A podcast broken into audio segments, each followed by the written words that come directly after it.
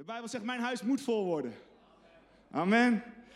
Ehm, nog even voordat ik eh, ga beginnen. Ik denk, ja, ik heb wel, ja, de beste boodschap die ik ooit ga brengen, ga ik vanochtend brengen. Ik zeg dat elke week, maar ik meen het ook elke week. Maar dit is een boodschap die ik eigenlijk bewaard had voor een heel speciale plek. Die brandde in mijn hart voor een heel speciaal moment die ooit zou komen.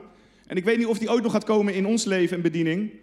Maar ik voelde hem gewoon om vanochtend te brengen. En ik was er een beetje van disturbed, want ik moest het helemaal uit gaan werken. En uh, dit is echt dit is een boodschap, nog niks hiervan heb ik ooit eerder ergens iets daarvan gebracht. En ik ben een beetje zenuwachtig. Maar prediken doen we samen, toch? Oké, dus u mag, me, me een beetje aanmoedigen straks. Um, we zijn weer met een heel klein boekentafeltje gekomen. Er ook wat uh, boeken op staan van andere pastors van God Center. Uh, u kunt straks rustig een kijkje nemen. Um, op de aankondiging op YouTube stond de legers van God. Dat is waar, dat is een titel van mijn boodschap. Maar als je iets meer de Bijbel kent, is de titel van mijn boodschap eigenlijk Maganaim. Ik ga vandaag echt even testen uw Bijbelkennis. Zelfs op de eerste rij hier zo. Nu word ik nog zenuwachtiger. Ik dacht, dit is een hele bekende Bijbelse naam. En een Bijbelse plaats. We gaan het er zo over hebben. Ik heb de laatste keer dat ik hier was, even de eerste rij moet nu even stil zijn. Wie weet nog waar ik over gesproken had? Dat is altijd een hele pijnlijke vraag voor een prediker. Doe maar een willekeurige gooi. De broeder krijgt bonuspunten hè, over Jezus. Oké, die naam is in geval een aantal keer gevallen, dat klopt. Maar wie weet nog de titel van de boodschap? Altijd pijnlijk, jongens. Soms als in mijn kerk, als ik het vraag over vorige week, weet niemand het al meer. Het is echt, het is af en toe denk ik, waarom doe ik dit allemaal? Ik had het over Bethel. Ik had het over wat hier op de muur geschreven staat. Bethel, huis van God. En Christus zegt uiteindelijk, hè, ik ben Bethel. Op mij zul je de engelen God zien op, opstijgen en nederdalen. Ik ben die plaats, ik ben die persoon. Dus onder het Nieuwe Testament weten we, het is geen plaats, het is een persoon. Maar ik had het over het huis van God en de principes en de law of the first mention. De eerste keer dat huis van God genoemd wordt, was wel Jacob die droom had van die ladder die opsteeg en nederdaalde. En overal waar Christus geopenbaard wordt, is Bethel. Is Gods huis. En als je opkomt in een gebouw dat kerk heet, maar waar Christus niet geopenbaard wordt, is het bijbels gezien geen huis van God. Oké? Daar hadden we het vorige keer over. Even terugpakken, want ik ga er vandaag op verder bouwen en verder voortborduren. Gods huis is dus geen fysieke plaats, maar een plaats waar openbaring stroomt van de hemel. En in Genesis 28, en daar wil ik zo het verhaal met je oppakken in de leven van Jacob, hij krijgt hier die droom.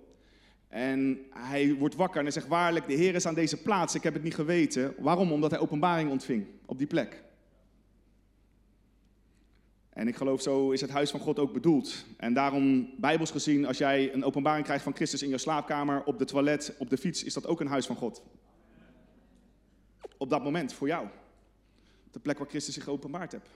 Ik heb eens hele diepe openbaring gehad op de toilet. Dat Christus me dingen begon te openbaren. Over mijzelf en over anderen. Ja, dan wordt die toilet in één keer een hele andere plek. Het is geen excuus om lang op het toilet te blijven zitten. maar ik wil alleen maar aangeven, Christus kan zichzelf overal in je leven openbaren. In de auto, op de fiets, in gesprek met mensen, door een of ander kind zo meteen die naar je toe komt. Op heel veel manieren. Bethel. Um, maar ik wil het gaan hebben over Jacob vandaag, want Jacob trok verder. In het, het, leven van Jacob en eigenlijk van Esau en is eigenlijk een beetje een wonderlijk verhaal, want we zien in de Bijbel dat Jacob geroepen was om de eerstgeborene te zijn geestelijk, om het eerste geboorterecht te erven. En toch zien we dat hij menselijke methodes toepast om in zijn roeping te wandelen. Dit zie ik ook vandaag de dag in het leven van heel veel kinderen van God. Heel veel mensen ervaren wel een bepaalde roeping op hun leven, een bepaalde bestemming van God, maar de manier hoe dat in gaat vullen, ja, daar heb je ook God voor nodig. En ja, dan zien we eigenlijk dat Jacob en zijn broer en zijn vader bedriegt en dan eigenlijk maar moet vluchten en hier wil ik zo meteen het verhaal oppakken. Hij gaat eigenlijk vluchten. En God is dan zo genadig en zo getrouw om hem deze openbaring te geven. Van, joh Jacob, ik ben er nog steeds met jou. Alhoewel niet goed was wat je deed, ik ben nog steeds met jou. En hij geeft hem deze openbaring. Hij, hij zegt, Heer, als u echt met me bent en u laat me weer terugkomen naar deze plaats, Kijk, we, later zien we Jacob bij Laban en dan denken we, oh, daar, is, daar, daar, daar speelt het hele verhaal zich af. Maar Jacobs destiny was weer om terug te keren in het beloofde land. Ik heb ontdekt vaak in je leven, de cirkel is rond.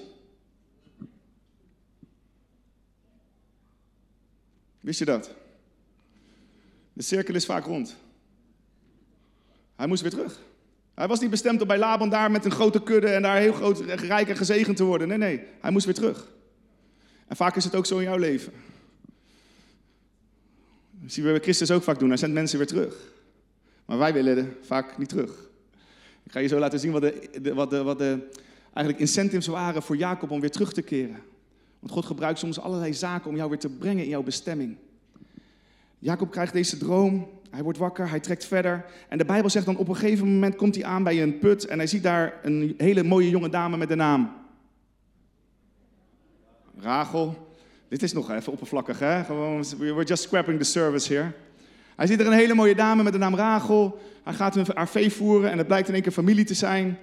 En ze wordt meegenomen naar uh, zijn vaders huis en hij is zo verliefd dat met uh, zijn oom eigenlijk Laban afspreekt, joh, voor deze vrouw werk ik zeven jaar. Zitten hier ook die mensen? Ik zie een paar verliefde stelletjes daar zo. Maar wat blijkt? De bedrieger zelf wordt bedrogen. De cirkel is rond. What goes around, comes around. Heb je dat ook al ontdekt, in je leven? Wat je zaait, zal je oogsten. Hij wordt zelf bedrogen. Met zijn dronken kop had hij lekker een eh, nachtje gehad, maar hij wordt wakker. En hij denkt, ah, wie is dit? Hij was zo verliefd op Rachel. Hij zegt, oké, u hebt me wel bedrogen, maar ik ben bereid om gewoon nog een keer zeven jaar te gaan. In deze veertien jaar bouwt hij eigenlijk amper wat op voor zichzelf. Hij is maar aan het dienen omdat hij verliefd is op een vrouw. Ondertussen worden zonen geboren bij Lea, bij haar slavin. Dan trouwt hij met Rachel en dan spreekt hij af Oké, nu ga ik mijn eigen kudde bouwen.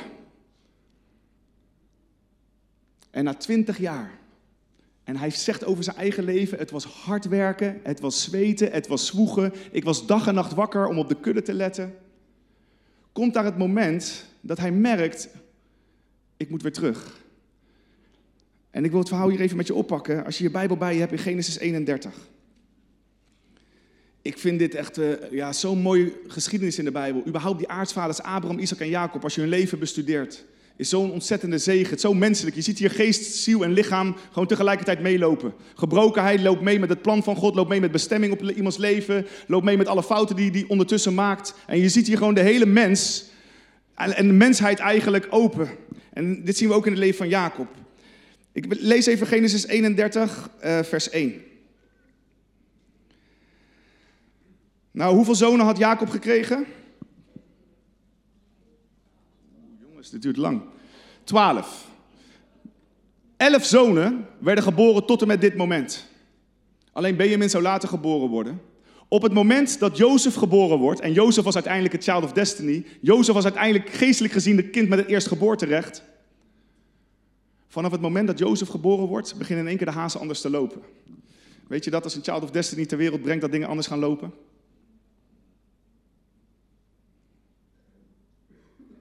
Kijk nu wat er staat in Genesis 31. Eens hoorde hij Labans zonen zeggen, zijn neef eigenlijk, Jacob heeft onze vader alles wat hij bezat afhandig gemaakt. Al zijn rijkdom heeft hij verworven ten koste van onze vader. Ook merkte Jacob dat Laban niet meer zo vriendelijk tegen hem was als voorheen. Dus zijn neven zijn nu niet meer zo vriendelijk. Zijn schoonvader is niet zo vriendelijk. De werkgever is dus niet meer zo vriendelijk. Toen zei de Heer tegen Jacob: Ga terug naar het land van je voorouders, naar je familie. Ik zal je terzijde staan. Weet je dat vaak in jouw leven het natuurlijke en het geestelijke werk lopen parallel? Hey, in het geestelijke, het natuurlijke en het geestelijke lopen vaak parallel. Als God je ergens wil hebben of ergens weg wil hebben, zal hij natuurlijke omstandigheden gebruiken en tegelijkertijd zal hij spreken tot je hart. God sprak je tegen Jacob, maar tegelijkertijd was de hele situatie veranderd. Zijn familie was in één keer niet zo vriendelijk meer. Eigenlijk mensen wouden hem ook al weg hebben. Ik heb gezien in, in, soms bij christenen, soms wil je werkgevers mensen weg hebben en dan blijven ze zitten. Je moet gaan aftasten naar God, hoe moet ik hier nog blijven? Of gaat mijn zendingsveld veranderen?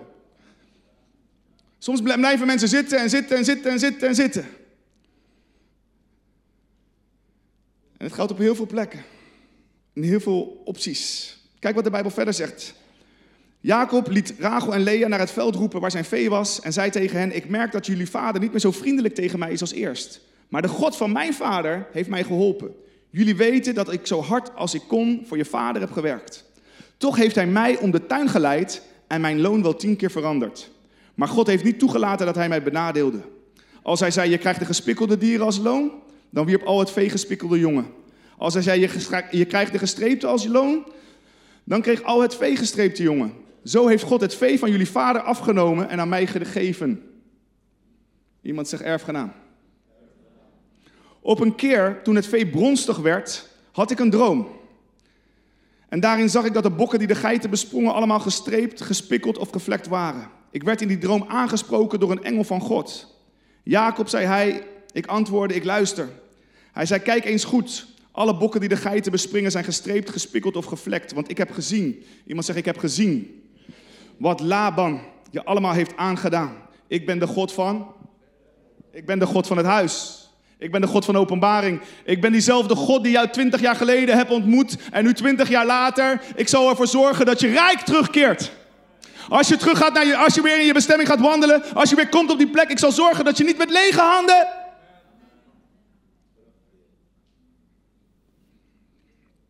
Ik ben de God van Bethel, waar je een steen met olie hebt gewijd en waar je een gelofte hebt afgelegd.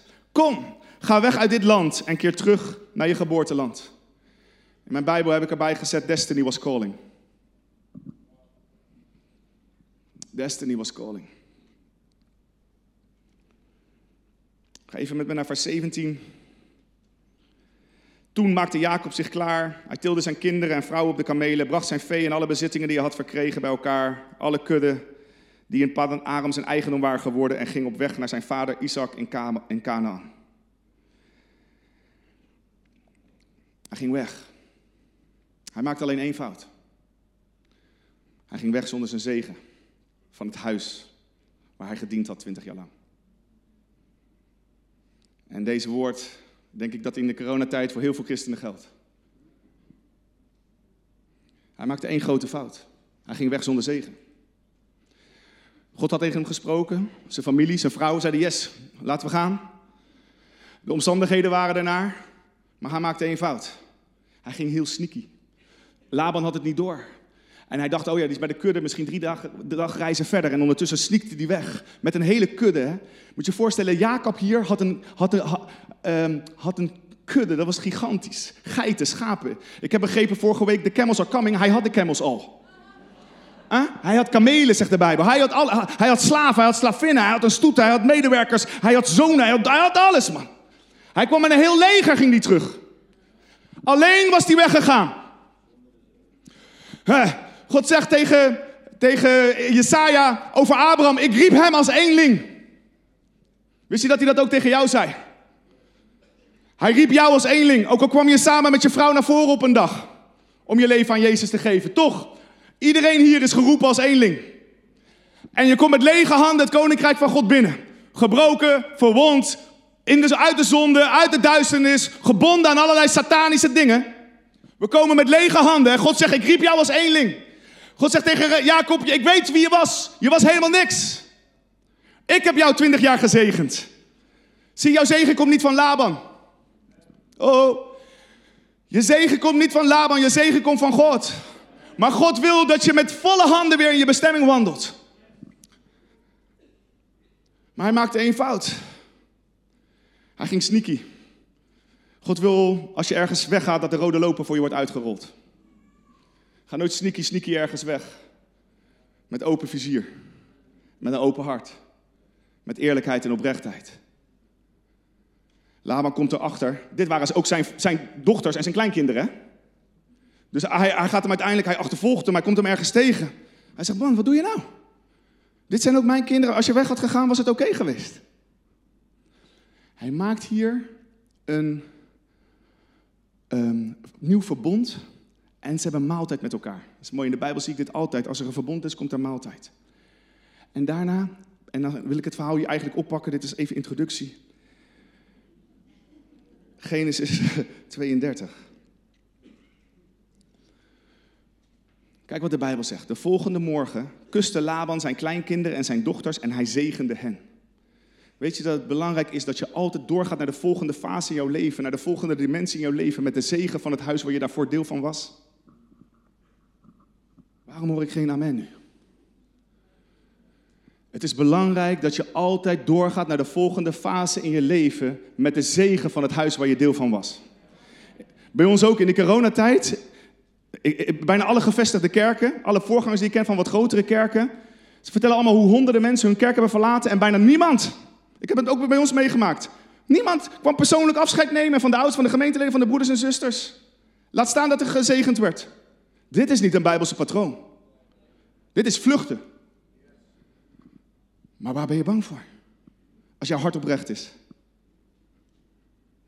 Maar ja, ik weet niet of dat voor, hier is. In ieder geval was dat mijn, een van mijn frustratiepunten als voorganger. Mensen waar je jarenlang, waar je dacht, we zijn familie. Oh, zijn we dan toch geen familie? Ik heb echt, dit zijn de Bijbelse principes voor mij. Ga nooit weg zonder de zegen van het huis. Zelfs in al mijn ellende heb ik altijd ervoor gezorgd dat er een moment was dat ik gezegend werd door de vader van het huis. Als dat nog even kon. Altijd. Want ik weet deze geestelijke wetten. Ik ken deze geestelijke wetten. Geloof me, je wil niet verder gaan zonder die zegen. Wat gebeurt er in het volgende vers? En hier gaan we over hebben vandaag. Kijk, nu is die zegen daar gegeven. Hij, is echt, hij heeft het oude echt nu los kunnen laten. Hier is nu die 20 jaar, heeft hij af kunnen sluiten geestelijk. Alles moet geestelijk afgesloten worden. Kom op, ook voor sommigen, als je uit de vorige relatie komt, dat ding moet goed afgesloten worden. Tegen wie praat ik nu? Alles moet je goed afsluiten in je leven. Wij houden van nieuwe dingen, nieuwe beginnen. Maar kan je het oude afsluiten? Want zoals je het oude afsluit, zo stap je het nieuwe binnen. Zoals je de ene kerk afsluit, zo stap je de andere kerk binnen. Zoals je de ene bediening afsluit, stap je de andere binnen. Zoals je de ene familie afsluit, zo stap je de andere binnen. Ligt dit gevoelig of mag ik prediken hier? Ik ben altijd een stormram, hè? sorry, ik kan niet uh, eromheen draaien. Dat is niet mijn DNA. Kan dat niet gewoon. In ieder geval niet als ik op het podium sta. En nou komt de vers. Jacob trok verder. Voor mij is dit de sleutelvers. Jacob trok verder. Plotseling verschenen er engelen van God op zijn weg. Dus terwijl hij het oude afsluit, hij is onderweg nu eigenlijk terug naar Bethel, terug naar zijn vader. Jabok zou ook nog komen, maar terwijl hij onderweg is, terug. Hij ziet hier in één keer een hele groep engelen. Ah. Er verschenen engelen van God op zijn weg. Een leger van God riep Jacob uit toen hij hen zag. En hij noemde die plaats Maganaim. Maganaim betekent twee kampen of twee legers. Er waren hier twee legers. Het leger van Jacob. Jacob was een leger geworden ondertussen. Ontmoette hier de hemelse legerscharen. Hij ontmoette hier de legers van God. De engelen die hij twintig jaar daarvoor zag, ascending en descending. Diezelfde engelen zag hij nu als een groep op hem wachten. Op de ongeveer dezelfde plek.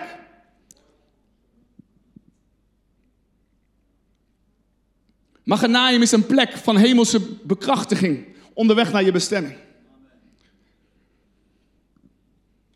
En de engelen van God wachten op hem. Op een dag was ik in gebed en ik was aan mijn Bijbel aan het bestuderen en ik las deze vers en ik brak in tranen uit. Zie, realiseren dat het ook mijn cirkel rond is. En terug naar mijn bestemming, mag ik zo zeggen, waren daar engelen. Ik ben iemand, ik predik niet heel vaak over engelen. Ik heb een familielid die regelmatig engelenervaring heeft. Ik ben niet iemand uh, wat dat betreft heel, kan niet heel veel getuigen over mijn eigen leven. Misschien één voorbeeld zo nog. ik heb eigenlijk uh, te veel te delen, dus ik weet niet of ik eraan toe kom. Maar ik geloof engelen zijn heel reëel. In de Bijbel zijn er 300 mentions van engelen en 100 verschijningen. De Malak Yahweh, de engel van de Heer, dat is een Christofanie, is een verschijning van Christus in het Oude Testament, komt 22 keer voor. Jezus verschijnt als engel aan mensen 22 keer in het Oude Testament. We noemen het Malak Yahweh, de engel van Yahweh. Niet een engel, maar de engel van, de, van Yahweh. Bijvoorbeeld in de brandende braamstuik. Hij, en hij zegt, ik heb God gezien. Wie zagen ze? De engel van de Heer. Ik heb wel uitgebreide studies over engelen, maar sommige mensen hebben daar meer ervaringen mee. Maar ik geloof wel in engelen. Een paar keer heb ik daar dingen in ervaren. En Maganaim is zo'n plek waar engelen je komen bekrachtigen. Christus had zo'n ervaring toen hij moe was. En hij moest nog naar het kruis toe. En in Gethsemane, de Bijbel zegt, een engel kwam om hem te bekrachtigen. Maria, Johannes, Petrus, Terwijl ze de, de opgestane Heer, of ze wisten nog niet eens dat hij was opgestaan, maar ze zochten de Heer. Er waren engelen die zeiden, wat zoek je de levende bij de doden? En ze kwamen hun bekrachtigen onderweg naar hun bestemming om getuige te zijn van Christus. Even later zouden ze hem zelf zien. Engelen zijn, in de, engelen zijn zo reëel in, de, in het woord van God. Zijn ze al reëel in je eigen leven? Of denk je dat eh, engelen passief zijn in jouw leven? Denk je dat er geen engelen actief zijn in jouw leven en in de kerk en in de bediening van het evangelie? Omdat je ze niet ziet, betekent niet dat ze niet werken. Jacob, na twintig jaar ellende, ziet hier die engelen. En hij wordt bekrachtigd en hij noemt die plek twee legers. Maganaim. Nou, ik wil je vertellen, wat betekent Maganaim voor jou en voor mij? Allereerst, de Bijbel spreekt hier over de legers van God. Heel snel hierna zou Jacob komen bij de Jabok.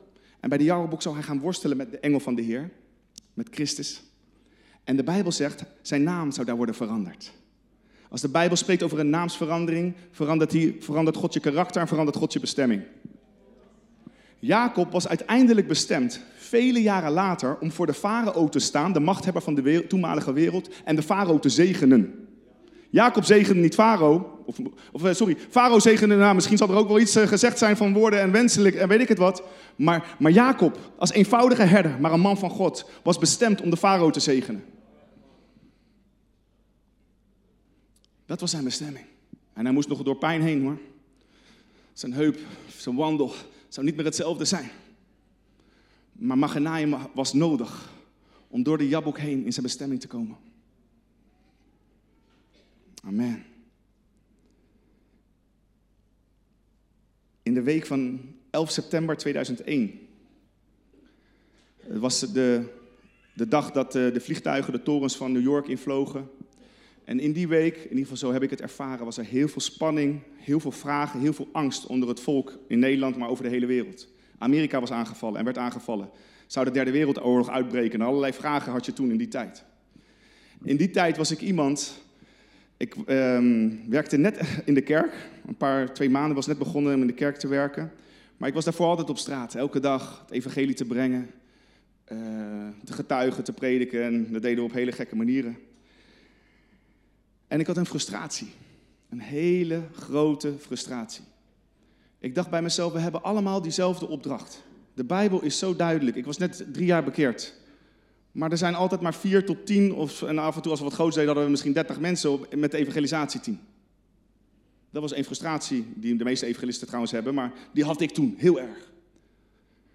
Op een dag, het was in die week, al deze dingen waren voortdurend in het nieuws. Het triggerde ook iets bij mij. Ik, ik, kwam aan op een station in Leiden om s ochtends naar, naar de kerk te gaan in Leiden-dorp. En terwijl ik op een station stond, werd ik gewoon stilgezet. Ik liep, maar ik, werd gewoon, ik voelde hoe ik werd stilgezet. En ik zie in één keer die mensenmassa. Heb je dat hier ook op grote stations? Hè?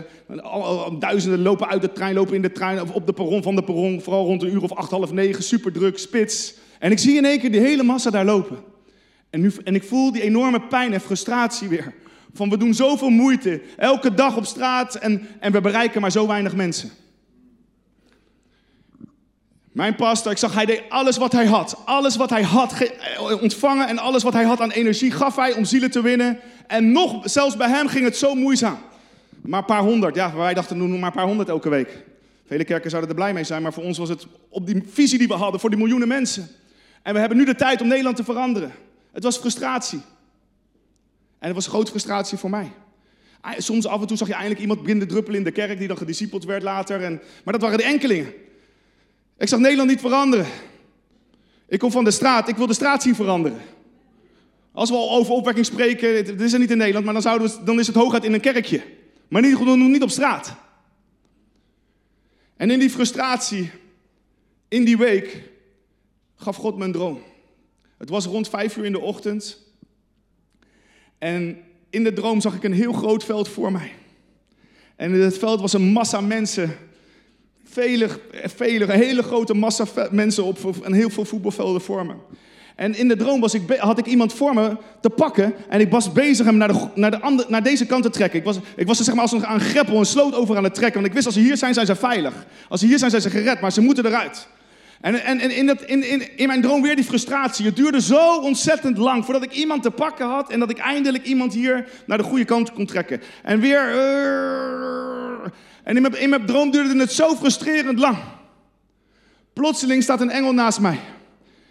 En die engel zei tegen mij: Arno, kijk omhoog. Zie, op dat moment was ik alleen maar bezig geweest naar die mensen te kijken en ze te proberen te trekken naar de goede kant. Ik, was, ik, ik, ik had niet gelet op wat naast me, boven me, achter me, weet ik het waar stond. Ik was gewoon bezig met die persoon voor mij elke keer. En ik zag hier deze engel.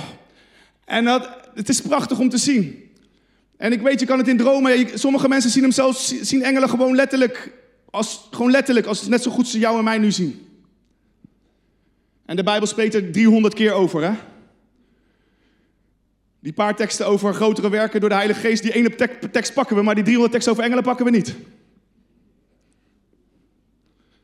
Terwijl ik geloof dat God veel meer doet door engelen dan wij bewust van zijn. En op het moment dat ik omhoog keek, veranderde ik van mijn geest van die plek naar wat ik wist dat zijn de ogen van God. En, en ik wist, plotseling had ik, keek ik vanuit een helikopterview, plotseling keek ik van boven naar beneden naar dat grote veld. En in één keer zag ik door de ogen van God dat veld. En ik zie weer deze hele grote massa, maar nu zag ik iets wat ik daarvoor niet had gezien. Ik zag iets dat om de zoveel meter, net als mij, waren mensen bezig. Mensen te pakken, te redden en te trekken naar de andere kant. En de Heer zei tegen me, Arno, jij ziet wat voor ogen is, maar ik heb de helikopterview. En toen zag ik hoe God overal mensen had die net als ik bezig waren. En ik werd wakker en toen kwam er zo'n diepe rust over mij. In één keer alle frustratie was weg. Alle irritatie was weg. Alles van hoe moet het, heren, hoe worden deze mensen ook ooit gered worden? Dat was mijn vraag in mijn geest. Als je een droom van God krijgt, is dat altijd een antwoord op een vraag die je hebt gesteld in jouw geest. Nebukadnezar kreeg een droom als antwoord op een vraag die hij had gesteld. Wat gaat er na deze geschieden? De farao zelfde. Elke keer zien we dit in de Bijbel. Sommige mensen willen dromen van God, maar wat is het ding dat jouw heilige frustratie? Want een droom van God is een antwoord van God op iets wat is in jouw hart. En deze engel hielp mij en gaf mij diepe rust als antwoord op mijn vraag. Vanaf dat moment maakte ik één ding. Eh, Heb ik dat was eigenlijk de shift in mijn bediening. Want daarvoor was ik die evangelist. Nu mag ik andere mensen trainen en vrijzetten om datzelfde werk te doen. Maar dat komt allemaal door die droom. Zie, zie een droom van God. En ik geloof zeker de engelen van God helpen jou om in je bestemming te wandelen en te komen. En in die nodig te bekrachtigen. Zelfs Christus moest bekrachtigd worden. Zelfs Christus moest bekrachtigd worden onderweg naar het kruis. Matthäus 17. Mozes en Elia kwamen bij hem op de berg. En in de Gethsemane. Zelfs Christus. Hoe, hoe zit het met jou? Denk je dat jij geen engelen nodig hebt in je leven? Ik, ik moet je heel eerlijk zeggen, ik weet niet waarom ik deze boodschap moet brengen. De Heer zei de hele weken tegen mij onderweg hier naartoe, Arno spreek over Jacob. Maar ik wou helemaal niet over Jacob spreken. Ik had heel veel mooie andere boodschappen die u waarschijnlijk veel mooier had gevonden, want deze verhaal is nog niet klaar. Dat was makkelijk geweest voor mij. Je maakt gewoon een 2.0 versie van iets wat je eerst 1.0 hebt ontvangen.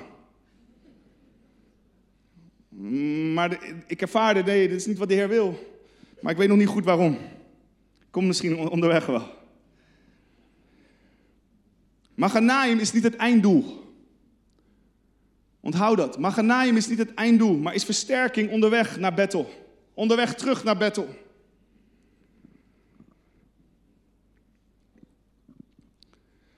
Wat staat er in het vers hierna? Dan zie je dat Maganaim een schakel was. Jacob stuurde bode vooruit naar zijn broer Esau.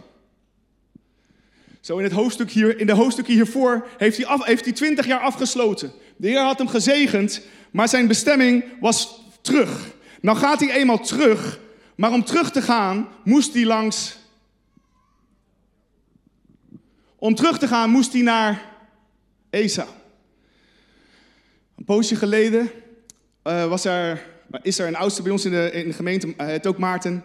En hij, hij predikt over Esau. Ik had het nog nooit zo gezien.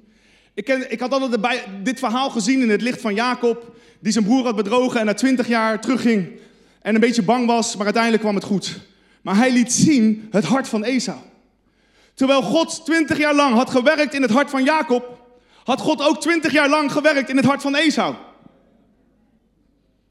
Terwijl God op allerlei manieren bezig was geweest in Jacob, zien wij door de vergeving die Esau kwam gelijk zo, hè? Jacob was doodsbang, maar Esau stond zo. Eindelijk, waarom heeft het 20 jaar geduurd? Dit heb ik ook ontdekt in het leven van mensen. Op het moment dat God je ergens weer terugroept, op het moment dat de geest van God dingen begint te initiëren, is het doorgaans ook zo dat God al bezig is aan die andere kant waar je bief mee had. Aan die andere kant waar je iets mee had. Oh, oh, oh, daar gaan we. ai, ai, ai. Ik sloop altijd alles op podium. En wie is jouw Esau?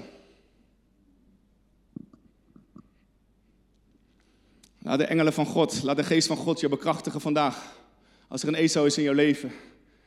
En op het moment dat jij die prompting, op het moment dat je die aandrang, op het moment dat je die duw voelt, weet dat, weet dat God ook bezig is al aan die andere kant. En ik kan dit in mijn leven drie keer amen op zeggen. En heel veel dingen over getuigen. Ook in de kerk. Ik had laatst ook weer een, mensen onderling bief in de kerk. Mooi is het als ze dan anderen dat gesprek kunnen doen. In dit geval was ik en mijn vrouw reconciliation. Oké, dingen zijn gebeurd, maar nu gaan we weer zoeken naar herstel. En weet je wat ik ontdekt heb? De relatie daarna was mooier dan daarvoor. En het is zo mooi om daar, dat, om, ik zeg je heerlijk, voor een kind van God, om dat mee te mogen maken, dit gun ik iedereen. Als voorganger mag ik dat soms wat vaker meemaken, omdat je soms die persoon mag zijn, of die mensen mag zijn die mensen weer bij elkaar brengt. Maar om dat mee te maken, is heerlijk. Maar Maganaim was nodig. Ik geloof dat Jacob dit nodig had onderweg naar Esau. Want hij was bang. Hij was bang om zijn broer, zijn machtige broer, zijn sterke broer, die legerman, die, die, die man van het veld, weer te ontmoeten. En hij, hij was voor zichzelf nog steeds die, die, dat mama's kindje.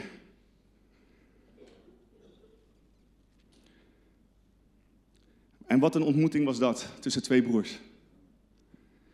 Ik, heb altijd, ik, ik, ik zeg vaak dit: To mess up is human, to make up divine. To mess up is human. En als jij mens bent, niks menselijk is ons vreemd. But to make up is divine. Ik heb de toetje. Want Maganaim komt in de Bijbel vaker terug. Nou, nu ga ik je echt eventjes testen. Wie weet toevallig waar nog meer? Niet een heel, een heel belangrijk moment in het leven van David. Nou moet je je voorstellen, dit is ook Pak even deze spiegel voor jou en mij. David had een mooi leven totdat God hem riep.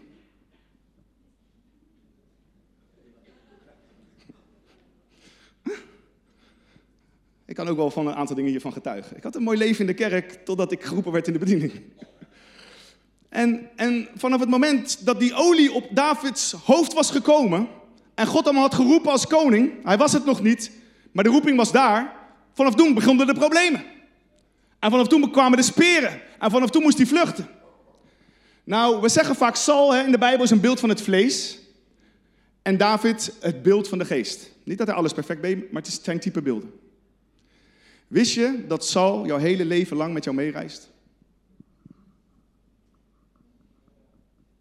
Saul zou later in een ander jasje terugkomen in het leven van David.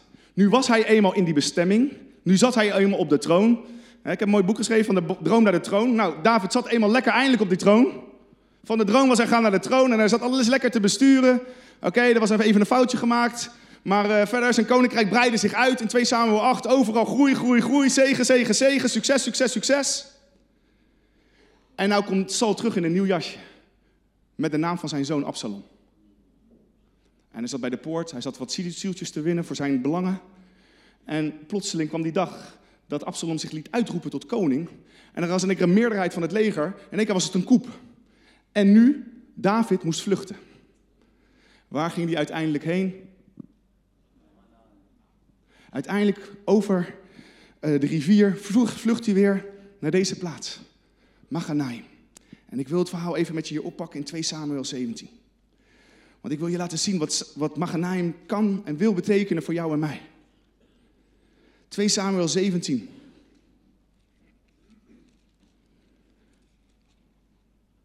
Vers 24. Nou moet je je voorstellen, dit is de koning en even zijn raadsheren, een, een aantal van zijn raadsheren en zijn, zijn chiefs om zich heen. En dan de koning op de troon zat, moet vluchten, gewoon letterlijk. Terwijl je de machthebber bent en zo'n machtige empire al hebt opgebouwd, moet jij in één keer vluchten, je land uit, Heftig, hè? Maar ook hier gaan we weer zien, de cirkel is rond. Zeg even tegen je naaste, de cirkel is rond. Kom op, klap even je naaste in zijn gezicht en zeg, de cirkel is rond.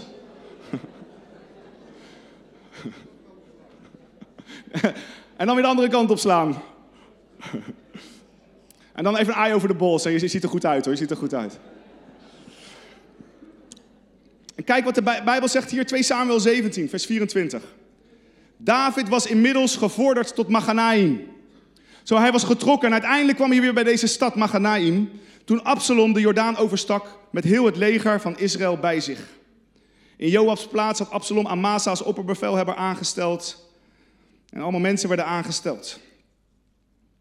En in vers 27, toen David in Maganaim aankwam, werd hij bevoorraad door Sobi, de zoon van Nagas uit Rabba, de hoofdstad van Amon. Hij werd bevoorraad door een Filistijn, mag ik zo zeggen. Hij werd bevoorraad door een niet-Israëliet. En dan komt vers 28. Ze brachten hem en zijn aanhangers dekens, kookgerei en voedsel, tarwe, gerst, meel, geroosterd graan, bonen en linzen, honing, boter, kaas en schapen en geiten, vlees. Want zeiden ze, u allen zult in de woestijn wel uitgeput zijn geraakt en hongerig en dorstig. Hier heeft ook David een en al vernedering. Door de woestijn getrokken, hongerig, dorstig, niet wetende, angstig, voor de, voor, want er zijn vijandige legers achter hem. Zijn eigen zoon staat hem naar het leven. En hij komt nu aan bij deze plaats en hij wordt hier verkwikt. Hij krijgt voedsel, hij krijgt drank, hij krijgt vlees, hij krijgt allemaal voorziening in deze plaats Maganaim. In, in, in Jacobs tijd, hij noemde die plek Maganaim en hij werd bekrachtigd bovennatuurlijk. Hier zien wij zelfs dat, dat David werd bekrachtigd door voorziening. Voor mij is dit ook Maganaim. Als je bekrachtigd wordt, versterkt, om in je bestemming te blijven wandelen. Zie, Davids bestemming was niet voorbij. Omdat er een Absalom opstaat in je leven, hey, tegen wie mag ik prediken? Omdat een Absalom opstaat in je leven, betekent niet dat je leven voorbij is. Omdat er een Absalom in je leven is, betekent niet dat God van je zijde geweken is. Kom aan, als je hierboven zit en je denkt dat je anoniem bent gekomen, dan ben je heel fout bij mij. Omdat Absalom opstaat in je leven, en ik weet niet voor wie dit woord is, betekent niet dat je in het vlees bent gaan wandelen. Omdat er een Absalom opstaat in je leven, en wellicht word jij je paleis uitgeknikkerd. Letterlijk hebben wij dit zo ervaren elf jaar geleden. Ook al word je je paleis uitgeknikkerd, betekent niet dat God van je zijde is geweken. Betekent niet eens dat je wat fout hebt gedaan. Misschien heb je iets niet goed gezien. Misschien heb je een beetje te veel gedacht, het komt wel goed met Absalom. Dat kan. Maar God was niet van David geweken. En we zien in Maganaim, hij wordt bekrachtigd. Zijn leger gaat vervolgens het strijd in. En we kennen het einde van het verhaal. Nou, David was niet blij dat hij de overwinning had behaald. Want zijn zoon was overleden. Zijn, zijn, dit waren zijn eigen volk, dit was zijn eigen leger. En dan moest hij weer terug. Hij moest weer terug naar zijn paleis. En kijk eventjes hier in hoofdstuk 19. 2 Samuel 19, vers 10. De overwinning is behaald. En David moest weer terug. En dan staat er in vers 10: In heel het land, bij alle stammen van Israël, was men druk aan het beraadslagen. De koning heeft ons bevrijd uit de greep van onze vijanden. Hij was het die ons heeft gered uit de handen van de Filistijnen. Nu is hij het land uitgevlucht voor Absalom. Maar Absalom, die wij tot koning hadden gezalfd, is in de strijd gesneuveld.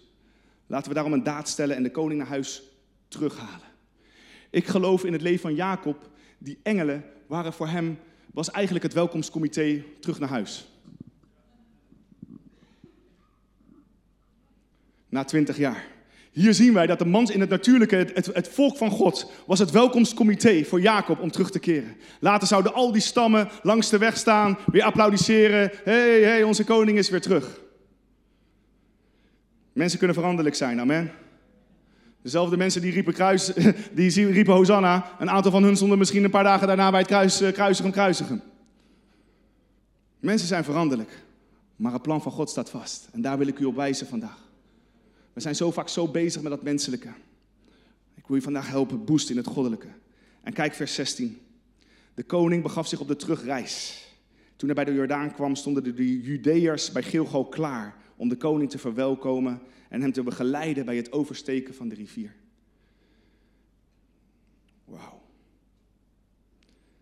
Ze wachten op hem en begeleiden hem terug naar zijn bestemming, terug naar zijn koninklijke positie. Maar Ganaim was voor Jacob en David niet het begin van hun wandel met God en ook niet het einde van hun wandel met God. Maar gedurende de reis zijn daar die momenten dat God je komt bekrachtigen. Of er nou geesten, of mag ik zo zeggen, onzichtbare engelen gebruikt, of zichtbare engelen door het volk van God. Ze komen daar om je de hand te reiken. Welkom terug en terug te brengen naar jouw bestemming. Zie, Jacob moest terug naar zijn vader. En hij moest terug naar Bethel. En in het beloofde land zou hij verder uitgroeien en gezegend worden. En uiteindelijk zien we hier hoe het verhaal door Jozef verder gaat. Dat betekent niet dat er geen pijn en problemen meer waren in zijn leven. We zien een andere Jacob nadat God zijn naam veranderd had en hij mank door het leven moest gaan. Jacob was geen bedrieger meer. Je gaat nergens meer lezen. Jacob was niet meer iemand die zijn elleboog gebruikte. Je gaat het nergens lezen. En je hebt nog heel veel hoofdstukken die over Jacob gaan daarna. Hij was bestemd om uiteindelijk voor de farao te komen. Door de pijn heen. Hm? Heb je het wel eens het verhaal ingebeeld in het leven van Jacob? Als jij te horen krijgt van tien broers, tien zonen, dat een ene zoon gedood is door een wild dier. En de pijn die dat daarna was. En dan de pijn en de vreugde toen je ontdekte dat Jozef nog leefde. En je erachter kwam dat je andere zonen dat hebben gedaan. Met nog maar genade dat ze hem als slaaf hadden verkocht, want eigenlijk wouden ze hem doden. Dat verhaal ga je een keer horen. De cirkel is rond. Elk verhaal ga je een keer horen. En dan geestelijk reageren. En dat zien we Jacob doen. Na de Jabok, Jacob reageerde voortdurend geestelijk. Ander, andere keertje over de Jabok. Want ook die ervaring is ontzettend kostbaar en belangrijk. Amen. Halleluja. Ik geloof dat Maganaim een beeld is voor jou en mij als kind van God. Niet voor heel lange tijd of altijd, maar dat je soms die momenten hebt van Maganaim. Soms zijn die momenten dat de lege scharen van God, of het nou hemels of aards is, en het lichaam van Christus is voor mij niet aards, is ook hemels, maar dat is zichtbaar. Je komt bemoedigen, je komt bekrachtigen met voedsel, met aanwezigheid. Je, je, je, je vertelt welkom thuis. hey, ik geloof ook hè, in, al onze kerken, als de komende maanden allemaal mensen terug weer komen van corona, dan is het niet dik, dik, dik, waar ben je al die tijd geweest? Is het, hey, welkom thuis. Toch? Ja, we zijn goed in dit, hè? Ik heb je gemist. Ja, dat is een goeie. Maar wat zeggen we exact daarna? en we zeggen welkom thuis. En laat de geest van God en de engelen van God maar de mensen bedienen.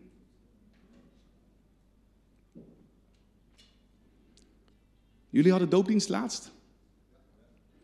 Een vriendin van ons was vroeger heel diep in het occulte. Ze was paragnost. En ze was een beetje getriggerd ergens een keertje. Volgens mij was ze aangesproken op straat of iets met evangelisatie. Maar ergens had ze iets van Jezus gehoord. Maar ze was diep in het occulte. En toen zij in haar meditatiemoment was, werd ze opgetrokken in haar geest. En de geest van God bracht haar in een kerk die op dat moment een doopdienst hield. En zij had dat nog nooit meegemaakt. Het was gewoon, ze was bekend aan geestelijke activiteit en geestelijke ervaring, maar ze had dat nog nooit gezien of meegemaakt. Vervolgens ziet zij hoe allerlei mensen gedoopt worden. En ze zag wat er geestelijk gebeurde op het moment dat iemand gedoopt werd. En ze zag engelen van God letterlijk dat, dat zwarte kleed uitdoen, wat over die persoon zat, en een wit kleed aandoen. Weet je, wij geloven in de kracht van de doop, maar wij, wij zien niet met geestelijke ogen wat er echt gebeurt is met, trouwens met heel veel zaken in het geestelijke leven zo. Je ziet iemand zijn leven aan Christus geven, maar wat er, maar wat er echt gebeurt, daar in het hart. En wat er onzichtbaar gebeurt. Want iemand wordt overgebracht, zegt de Bijbel, zelfs van het koninkrijk van de duisternis naar het koninkrijk van het licht. Er is een hele grote shift. Groter dan dat kan niet. Het is uh, Gods oerknal. Want de Bijbel zegt, de God die gesproken heeft, licht schijnen in het duister, heeft het gesproken. Dus God zegt, er zij licht op dat moment. En er is niks zo krachtigs als God zegt er zij licht. We noemen het opnieuw geboren worden, of eigenlijk is het tot leven komen. Want bijbels gezien was je daarvoor dood door je overtredingen en zonde, zegt het woord. Mm. Hierna werd Jacob getransformeerd naar Maganaim. En voor mij wat kostbaar is, hij zag niet één engel. En het was ook niet één engel die op hem wachtte. En toen hij de ladder zag, waarvan hij later getuigde, waarlijk de Heer is aan deze plaats. Hij zag niet één engel opstijgen en één engel nederdalen. Hij zag de engelen van God opstijgen en de engelen van God neerdalen. En hier wachten de engelen van God op hem. Het was een leger. Daarom noemde hij die plaats Maganaim. Het was een leger die hem opwachtte.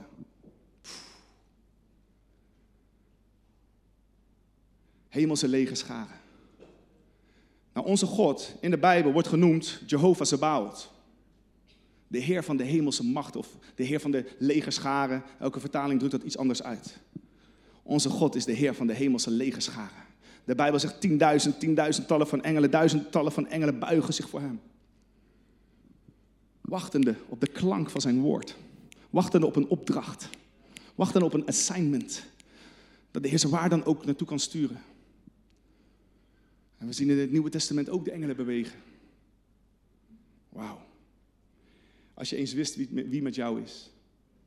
Kom aan, volk van God. Nehemia. Als je eens weet wie met jou is. Zie je, het probleem is, we kijken natuurlijk. Op een dag werd profeet Elisa belegerd door de koning van Arams van Syrië met zijn leger rondom de stad Dothan. Dothan betekent bronnen. Hij was hier in deze stad. Elisa was een geestelijk mens, was een man van God. Nou, iedereen in de stad was in paniek. Elisa had een knecht. De knecht was ook in paniek. Ja, heel leger. En ze kwamen speciaal voor Elisa, hè? Want die koning was een beetje klaar, want Elisa wist altijd wat er ging gebeuren. Want dat zag hij in de geest. Weet je dat je in de geest kan zien wat er gaat gebeuren? Dat is wat Christus ook zegt over de Heilige Geest. Hij zal je laten weten. En Elisa was afgestemd. Elisa was een man van God. Elisa was een profeet van God. En die koning werd er helemaal, was er helemaal klaar mee. Want elke keer liep zijn leger weer in een val. Dus hij dacht, nu moet ik die man van God pakken. Nou, iedereen was bevreesd. Maar Elia was volmaakt in de rust. Voor mij is dit ook weer een beeld van een geestelijk mens. Iedereen kan volkomen in paniek zijn. Maar jij bent volkomen in de rust.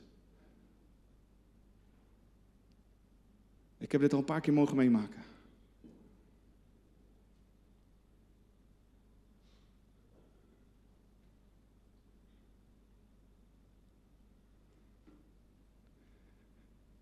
En het enige wat hij zei, Heer, open toch zijn ogen, opdat hij ziet. Open toch zijn ogen, opdat hij ziet. Eén simpel gebed. Op een dag was ik ook bezig in de kerk en heel veel dingen dacht ik, oh Heer, hoe moet dit, hoe moet dat? Ik was bezig in de bediening, ik, hoe, hoe moeten we dit doen? plotseling sprak de Heilige Geest, hij zei, Arno, met je ogen dicht zie je meer dan met je ogen open. Kom aan, voor wie is dit hier zo? Laat me je zeggen. Met je ogen. Met je ogen dicht zie je meer dan met je ogen open. Ik denk dat wij Nederlanders heel veel deze boodschap nodig hebben. Met je ogen dicht. Zeg even tegen je naaste, met je ogen dicht. Nee, hij kijkt naar je, moet zijn ogen dicht doen. Met je ogen dicht zie je meer dan met je ogen open. De Bijbel zegt, de Heer opende de ogen van de knecht. En wat zag hij? Een hemels legerscharen. Hij zag Maganaim. Hij ziet daar weer hemels legerscharen rondom de stad. En toen kwam hij zelf in de rust. Als je eens weet wie met jou is. Zie, Jacob was wellicht vergeten twintig jaar lang wie met hem was. Soms vergeten wij wie met ons is. Hij zegt, bij de openbaring zegt hij, als u met me bent, zal ik, en ik kom terug in dit land, zal ik u de tiende geven. Hij moest eerst nog een bewijs hebben, in zijn gebed dan in ieder geval, dat de Heer echt met hem was. Twintig jaar lang blijkt God zijn goedheid. Maar soms is daar die hemelse openbaring van Maganaim om jou te laten zien, te laten weten. Ik bemoedig jou, ik versterk jou, ik breng jou terug op jouw bestemming. Het maakt niet uit wat Laban jou aandoet. Hoeveel hebben te maken gehad met een Laban in hun leven? Zo weinig mensen. Oh ja, ja, ja. Het maakt niet uit wat Laban jou aandoet. Als God met jou is. Hij zegt over Laban, je hebt wel tien keer mijn loon veranderd. Nou, wij Nederlanders hadden gelijk uh, een actiecomité gevormd. En al het personeel opgezet tegen de baas. En elke keer, hij probeert hier geestelijk te zijn. Overgeven, loslaten, overgeven, loslaten. Is niet in mijn handen. Zie, als je deze houding hebt, kan God je zegenen. Als, als, je deze houding hebt, kan God je kudde en kamelen toevertrouwen. Halleluja. Jacob's getuigenis was, ik ging weg alleen, met lege handen. En wat ik deed daarvoor was niet goed. Hij had genade ontvangen. Hm, dat is de openbaring van Christus. Hij had genade ontvangen. En twintig jaar later. Jongen, jongen, jongen. Kamelen, schapen, geiten, runderen. Al je zonen waren gewoon werknemers in die tijd. ai, ai, ai, ai. Dit moet ik niet te veel tegen mijn dochter zeggen. Mijn dochter zegt, papa, je predikt altijd over erfgenaam. Ik ben je erfgenaam. Jij moet werken voor mij. En ze meent het met haar hele hart als ze me zegt altijd. Ik hoef niet te werken. Ze heeft weer een tussenjaar genomen. Ze zegt, papa, eh, ik ben toch erfgenaam, je predikt het toch? Ik zeg, ja, maar je moet niet wachten tot, tot, ik, tot ik heen ga natuurlijk. Halleluja. Maar kijk, Jacob, is zo niet ook jou en mijn getuigenis? Is zo niet met jou en mijn getuigenis? We komen met lege handen in Gods koninkrijk. En ondanks alles, zelfs, in het, zelfs als je nu wandelt met God en welke Laban je ook te maken hebt gehad in je leven, wie jou ook eigenlijk recht heeft ingehouden, wat jou eigenlijk rechtelijk toekomt. God. Dit is mijn getuigenis en dit is wat ik heb moeten en mogen leren. In 2011 zeiden heel veel mensen die Arno is door de duivel geleid. En er rust geen zegen op hem. Hij kan nooit vruchtbaar worden. Dat is wat heel veel mensen zeiden over mij. Maar God. En soms zijn er seizoenen in je leven dat mensen nog steeds over praten. Denk niet als je een prediker bent of zo dat je vrij gevrijwaard bent voor zulke rumoeren en gedachten en geluiden. Arno zal nooit gezegend meer zijn. Dan ken je God nog niet. Misschien ken je Arno heel goed, maar dan ken je God niet. Ja. God. God. Weet je wat ik heb ontdekt? Hij houdt ervan om te zegenen die hij genade heeft gegeven. Als jij weet dat jij genade hebt ontvangen, weet zegen komt eraan. Hoe het zich ook manifesteert in je leven. Maakt niet uit. Als jij genade hebt ontvangen, God houdt ervan om degene die genade hebben ontvangen te overladen met zegen. Want jij bent van Hem. Jij bent Zijn getuigenis. En Hij wil dat je wat te getuigen hebt. Hoe kwam Jacob terug met Esau? Dit was het krachtige. Hij zond hem allemaal geschenken. Laat me hiermee eindigen. Hij zond hem allemaal geschenken. Om hem eigenlijk te pleasen. Om hem goed gunstig te stemmen. Esau's hart was al veranderd. Dit was een openbaring voor mij. Esau zegt, ja, maar ik heb al zoveel. En wat zegt Jacob? Oh, ik moet echt... Uh, de bijbelschool hier zo, trainingen, dinsdag, bijbel. Hij zegt, ik heb alles. Oh, als u me niet gelooft, laat maar, ik zal alleen deze tekst geven, dan, dat u zelf voor uzelf op kan zoeken, dat u weet dat ik niet zomaar wat zeg. Mm. Hier, dit is Genesis 33, vers 11. Hij zegt tegen Esau, neem toch aan wat ik je heb laten brengen, waarmee God mij heeft gezegend, want God is mij goed gunstig gezind geweest en ik heb meer dan genoeg. In de, in de oorspronkelijke vertalingen zegt hij, ik heb alles. Dan ben je gezegend. Ja. Paulus zegt dat je alles hebt. Heb je ook alles? Ah? Maar daar moet je geestelijk voor zijn, om dat te zien. Jacob zegt tegen zijn broer, en dit, zelfs het natuurlijke, ik heb alles. Hoe kwam hij aan alles? Terwijl hij met lege handen en een bedriegershart wegging. Zie, God heeft soms zijn methode in het natuurlijke. Hmm. God zet je soms heel bewust bij bepaalde mensen.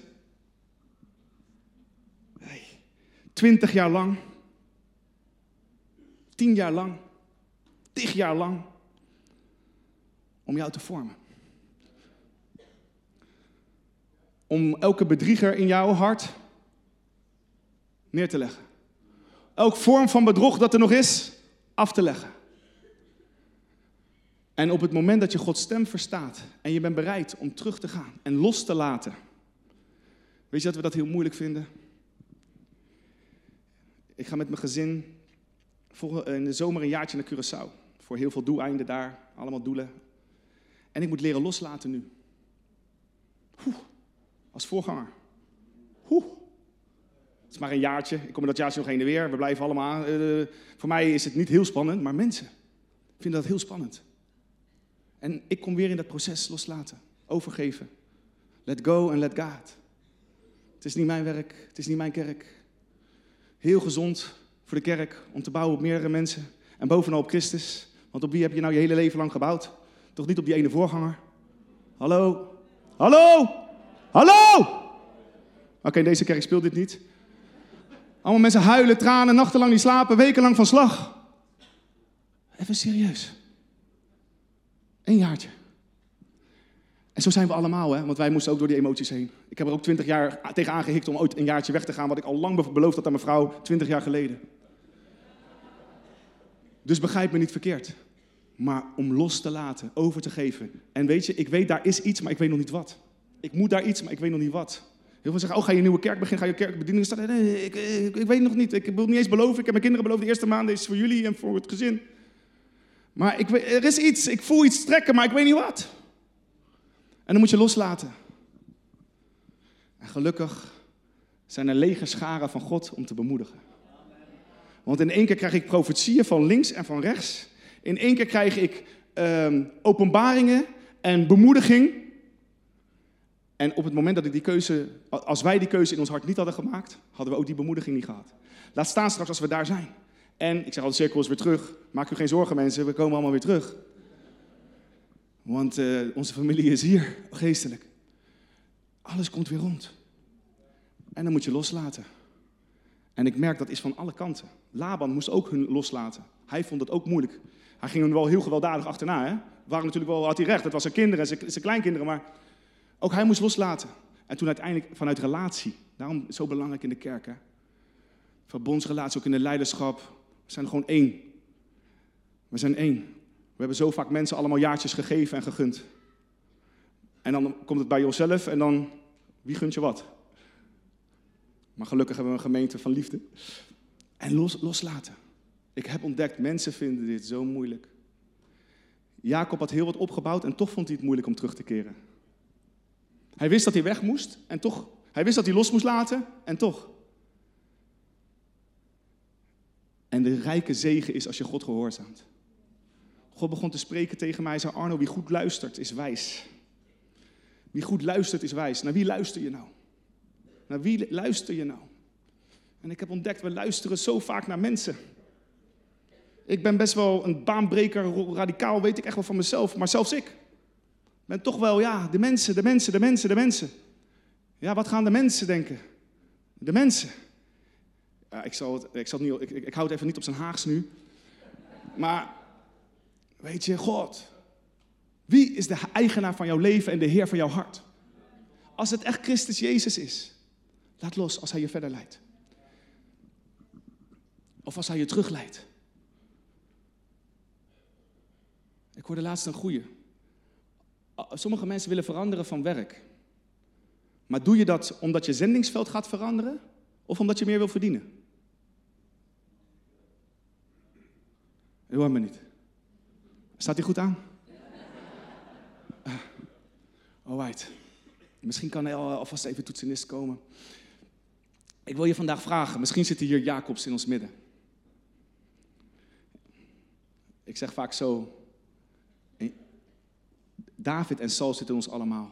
Een koning en een dwaas zitten in ons allemaal. En al is je oude leven begraven, toch wil die dode Egyptenaar, die wil weer opstaan. Toch wil die Saul weer in een bepaalde vorm terugkomen. Toch moet je blijven leren dat vlees te doden. Maar misschien ben je hier vandaag. En je hebt nog niet eerder je leven met jouw gehele hart overgegeven aan de Heer Jezus Christus. Hij die jou zo lief hebt, die voor jou stierf van het kruis en opstond uit de dood. De Bijbel zegt, mijn zoon, mijn dochter, geef me jouw hart. Het is een keuze vanuit je eigen, om echt jouw hart te geven. En misschien ben je hier en je zegt, ja, dat is eigenlijk wat ik wil. Ik ga je zo vragen om een keuze te maken.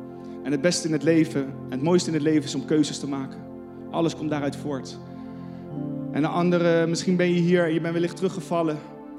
Of je bent niet echt actief in het geestelijke leven, terwijl je weet van ja, maar die roeping is daar. Mijn bestemming is met Jezus. Mijn bestemming is om met Hem te wandelen. Mijn bestemming is om dingen echt los te kunnen laten in mijn leven en om echt Christus te volgen.